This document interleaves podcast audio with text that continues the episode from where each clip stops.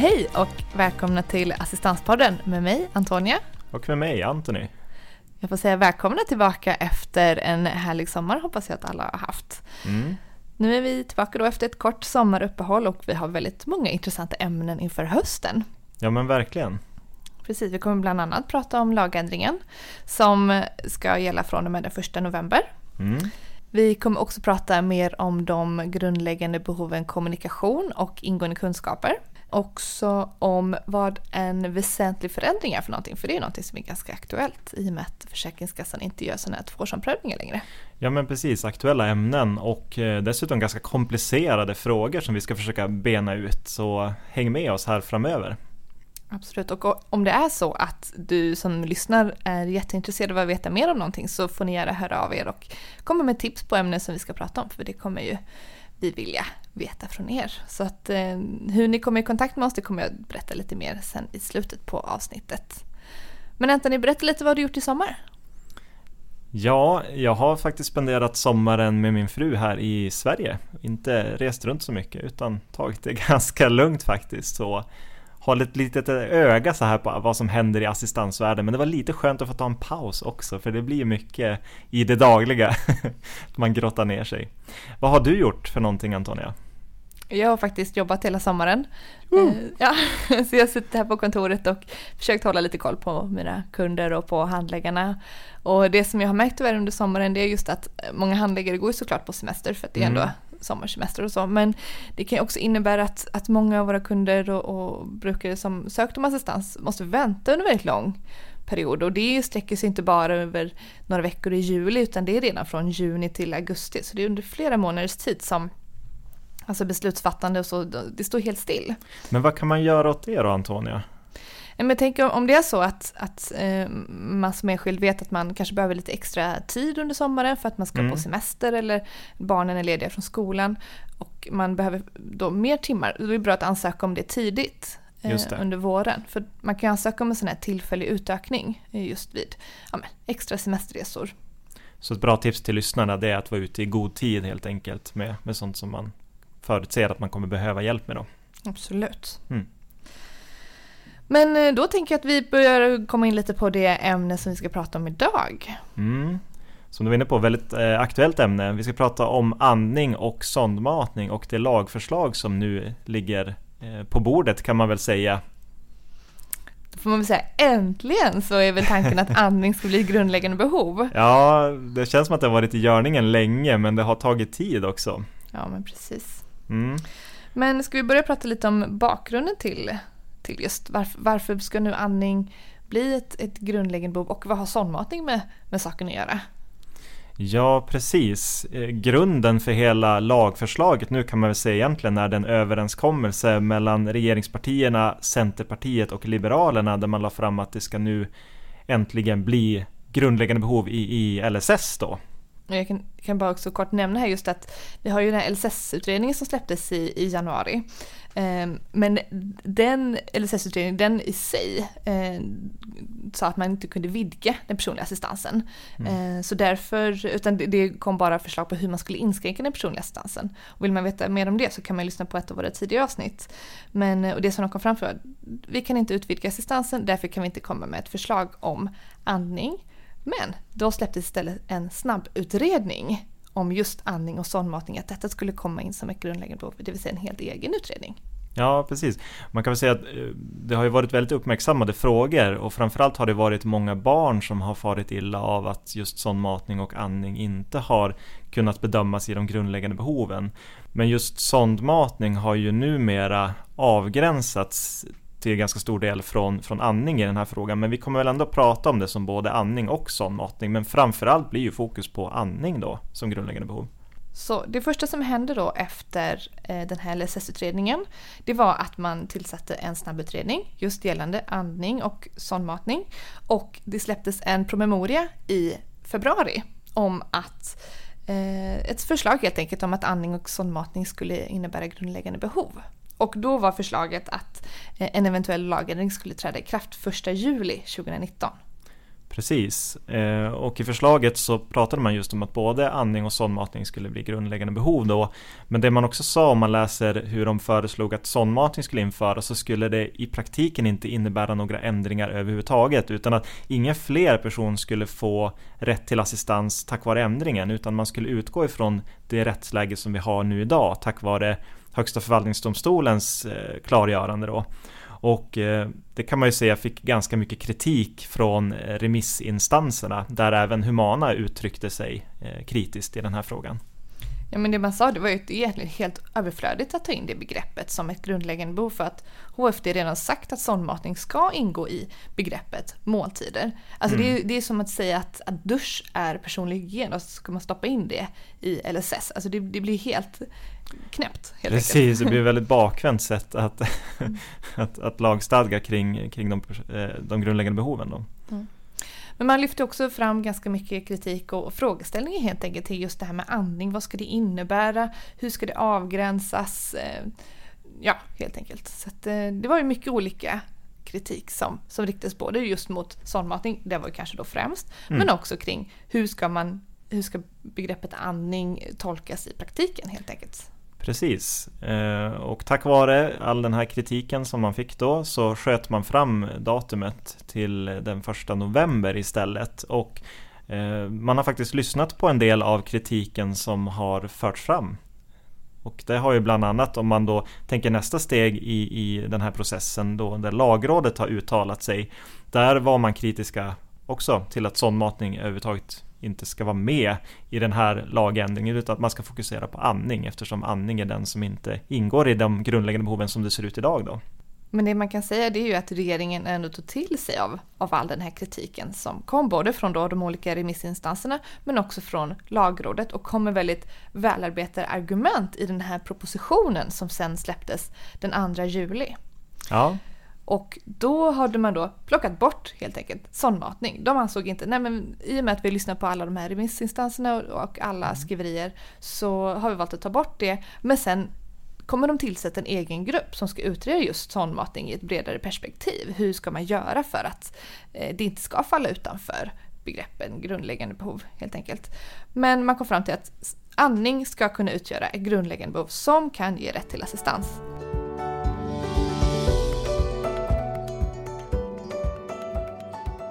Men vad innebär då den här propositionen? Vad innebär förslaget och vad är hjälp med andning egentligen? För jag tycker andning det är ju ett väldigt stort begrepp. Ja, precis. Och det är väl en sån fråga som vi har ställt oss under ganska lång tid sedan det blev klart att det här kommer att, att ske så småningom. Eh, vad kommer vara det grundläggande behovet andning?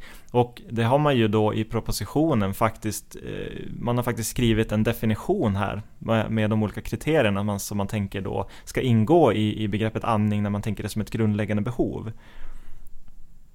Eh, och, och då säger man att en första förutsättning är förstås att det finns en dokumenterad nedsättning av någon av andningsfunktionerna och att det måste finnas en risk för den enskildes hälsa, ytterst den enskildes liv då, om hjälpinsatserna inte ges. Sen har man gjort en avgränsning där man säger att hjälpåtgärder som mer allmänt syftar till att förbättra en andningsförmåga eller underlätta andningen, det är däremot inte en del av det grundläggande behovet andning. Så det finns någon slags kvalificerad gränsdragning här mellan olika typer av hjälpbehov som är då kopplad till andningen. Och exempel på sån, sån hjälp med andning som kan vara då grundläggande behov, det är exempelvis eh, avancerad andningsgymnastik. Det kan vara om man behöver hjälp med vid respiratorvård, eh, om man har ehm, eh, en trakealkanyl för att man är trakeostomerad och behöver hjälp med, med kanske då slemsugningar eller skötsel kring trakealkanylen. Eh, då, kan man, då räknas det då som, som hjälp med andning som då kan innebära ett grundläggande behov. Men det kan också vara sån tillsyn som krävs för att förhindra exempelvis kvävning eller lungblödning. Alltså då ganska aktiv tillsyn, att man behöver sitta med hela tiden, inte att man kanske då är på ett annat, i ett annat rum utan att det krävs väldigt aktiv tillsyn just på grund av andningen då helt enkelt. Mm. Jag skulle ändå spontant tycker jag väl att det är en ganska bred tolkning ändå av mm. andning mm. eh, om man kan jämföra med hur, hur tolkningar av de grundläggande behoven har sett ut de senare åren. Ehm, men, men man lyfter ju också frågan om att det här ofta är nära förknippat med till exempel hälso och sjukvårdsåtgärder och man pratar om egenvård. Och därför är det viktigt eftersom assistans kan ju aldrig beviljas för sjukvårdande åtgärder om de inte är bedömda som egenvård. Så alltså en viktig förutsättning här att, att sådana eventuella åtgärder är bedömda som egenvård då, och det tar man också upp i, i förslaget. Då. Däremot pratar man ingenting om i den här propositionen om hur man gör Eh, sådana gränsdragningar mellan egenvård och, och hälso och sjukvårdsåtgärder eller för den delen hur det normala föräldraansvaret spelar in vid de här bedömningarna. Det är ju sådana viktiga frågor som såklart är väldigt närliggande med frågan men som man uttrycker då att man har inte utrymme för att få pröva de här frågorna i den här utredningen utan det är sådana frågor som kommer att utredas närmare i, i, i framtiden då. Är tanken. Ja, men jag tänker just det med föräldraansvar, även i det här januariavtalet så lyfter ju regeringen fram då att, att man avser att tillsätta en utredning för att smala av begreppet föräldraansvar för att mm. så som det tolkas idag så är det väldigt, ja men först och främst ganska komplicerat, man vet inte riktigt mm. vad som är föräldraansvar, det är väldigt, eh, ja det är, inget, det är inget, inte helt klart men som man kan se att man har ett väldigt stort föräldraansvar. Eh, så att man vill då smalna av detta. Eh, men jag tänker också just det med, med egenvård, delegering, alltså det som, som eh, regeringen då inte har tagit med i propositionen för man inte vill gå in och peta i det ämnet. Alltså det är också upp till, till sjukvården. Mm, precis. Tänker, alltså, man vill väl inte röra i deras områden heller särskilt mycket. Nej, ja. precis. Och det är väl lite så man förstår att det, det, är lite för komplicerade frågor helt enkelt att ta in i, i ett lagförslag som ändå ska ske ganska snabbt här. Eh, så det är nog kanske rent av en ganska klok bedömning från regeringens sida.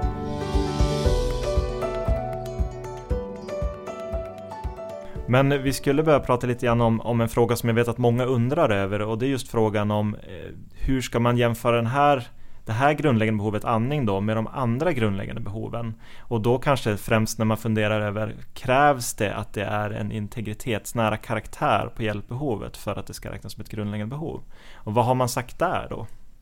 Jo men det som man sagt är att, att det här eh, kravet ska fortfarande finnas kvar. Att den hjälp som man ska ge ska just vara av integritetsnära karaktär. Och det blir ganska märkligt. Hur ska man göra den bedömningen? Tycker jag lite svårbegripligt faktiskt. Ja, precis. Där har man ju sett att det har blivit svåra, svåra gränsdragningar när det gäller bland annat sondmatning då. Så rimligtvis så kan det nog också ske även när det gäller andning här framöver. Mm. Men det vi kan då se är att, att just i, i det här förslaget det lämnar ändå ganska mycket öppet för tolkning. Från, mm. Både från, från myndigheterna men också då i, i praxis och i domstol. Att, att man får lämna lite, man kan inte gå in och styra exakt hur begreppen ska tolkas. Vilket såklart kan ju vara till fördel men det som vi kan se är att det ofta blir då restriktiva tolkningar. Och det är väl en sån sak som de nämner just i propositionen att, att ansvaret ska fortfarande ligga på kommunen och Försäkringskassan att göra de faktiska bedömningarna i de enskilda fallen. Och det kommer ju så småningom också att leda till att någon form av praxis utarbetas helt enkelt. Där man kan se att här, det här ingår typiskt sett i, i det grundläggande behovet andning och det här ingår inte då. Ehm. Så. Men det man ändå kan se är att om man jämför den här propositionen jämfört med den tidigare för liksom hela personliga assistans, att man ändå har mer exempel på vad andning, alltså vad hjälp med andning kan vara. Om man tänker vad personlig hygien, det är ett jättestort begrepp och där mm. har man ju i proppen då inte tagit upp att personlig hygien är dusch och toalettbesök utan det har ju vuxit fram. Medan här finns ändå lite mer tydligare gränser, så här, det är just andningsgymnastik, det är mm. hjälp vid trakeal kanyl, det är så. Precis, och det är väl kanske en sannolik eh, följd av att man har efterfrågat att man just mm. vill ha tydligare exemplifiering eller definitioner av de grundläggande behoven. För att mm. man har sett att i praktiken har det annars lett till svåra tolkningar. Eh, som, som har lett också till, till eh, att det har fått konsekvenser för de enskilda som, som behöver hjälp. Då. Mm. Men på tal om önskemål så kan, man ändå, kan vi kika lite på det som Försäkringskassan hade skickat in som ett remissvar på det här första då, promemorian. Det var mm. just att, att man skulle lägga in att det krävs ingående kunskaper för att hjälp med andning ska kunna beviljas som ett grundläggande behov. För det är ju så som Försäkringskassan tidigare har beviljat andning som grundläggande behov. För jag kan säga, det är ju inte någonting nytt. Alltså tidigare så har ju ändå andning funnits med som ett grundläggande behov. Men då i begreppet ingående kunskap. För då beviljas även eh, ja, mer medicinsk tillsyn som ingående kunskap. Men mm. efter 2015 så har det ju då försvunnit. Precis, för, för det som hände 2015 var att det kom en dom från Högsta förvaltningsdomstolen där man säger att det krävs en psykisk funktionsnedsättning. Och det här har man också tolkat så att det är den psykiska funktionsnedsättningen som ska också orsaka behovet till att man behöver hjälp av någon som har ingående kunskaper då. Och eh, det, det, är väl det också man, man kritiserar här från regeringens sida. Man avfärdar helt enkelt önskemålet med att det är inte intentionen utan för det som skulle hända i praktiken, tänker jag då, är ju att många av de här personerna som har andningsproblematik skulle aldrig ändå kvalificera för rätt till personlig assistans. Så det tycker jag faktiskt var ett lite genomskinligt förslag. Så det var bra att regeringen också sa nej där. Men om man ska titta på i praktiken vad det här lagförslaget då kommer att innebära för människor. Hur många är det som kommer påverkas i Sverige just när det här trädde i kraft? Det som de har beräknat det är ju cirka 50 personer runt om i Sverige. Det är ju inte jättemånga. Nej, det låter inte som särskilt många som påverkas. Sen vet vi väl kanske sedan tidigare att det är svårt att göra korrekta, helt korrekta bedömningar eller uppskattningar av hur många som kan komma att påverkas av av en lagändring så. Nej men jag tänker att förhoppningsvis så kommer det innebära alltså, att fler får rätt till assistans. Men det som man också kan se också som, som fick ett ganska fint citat från vår chefsjurist är att just att det är ett litet steg framåt. Steg för steg ska vi återupprätta assistansen så som den var. Mm. Försäkringskassan då valde att ta bort andning som ett grundläggande behov. Nu kommer vi att ta, ta tillbaka det helt enkelt. Så att, eh, jag tycker ändå att även om det just nu kanske inte är så många som är beräknat att eh, påverkas av just det här lagförslaget så steg för steg så ska vi komma dit att, att eh, assistansen ska återupprättas så som den var innan mm. 2016 helt enkelt. Bra uttryckt Antonia.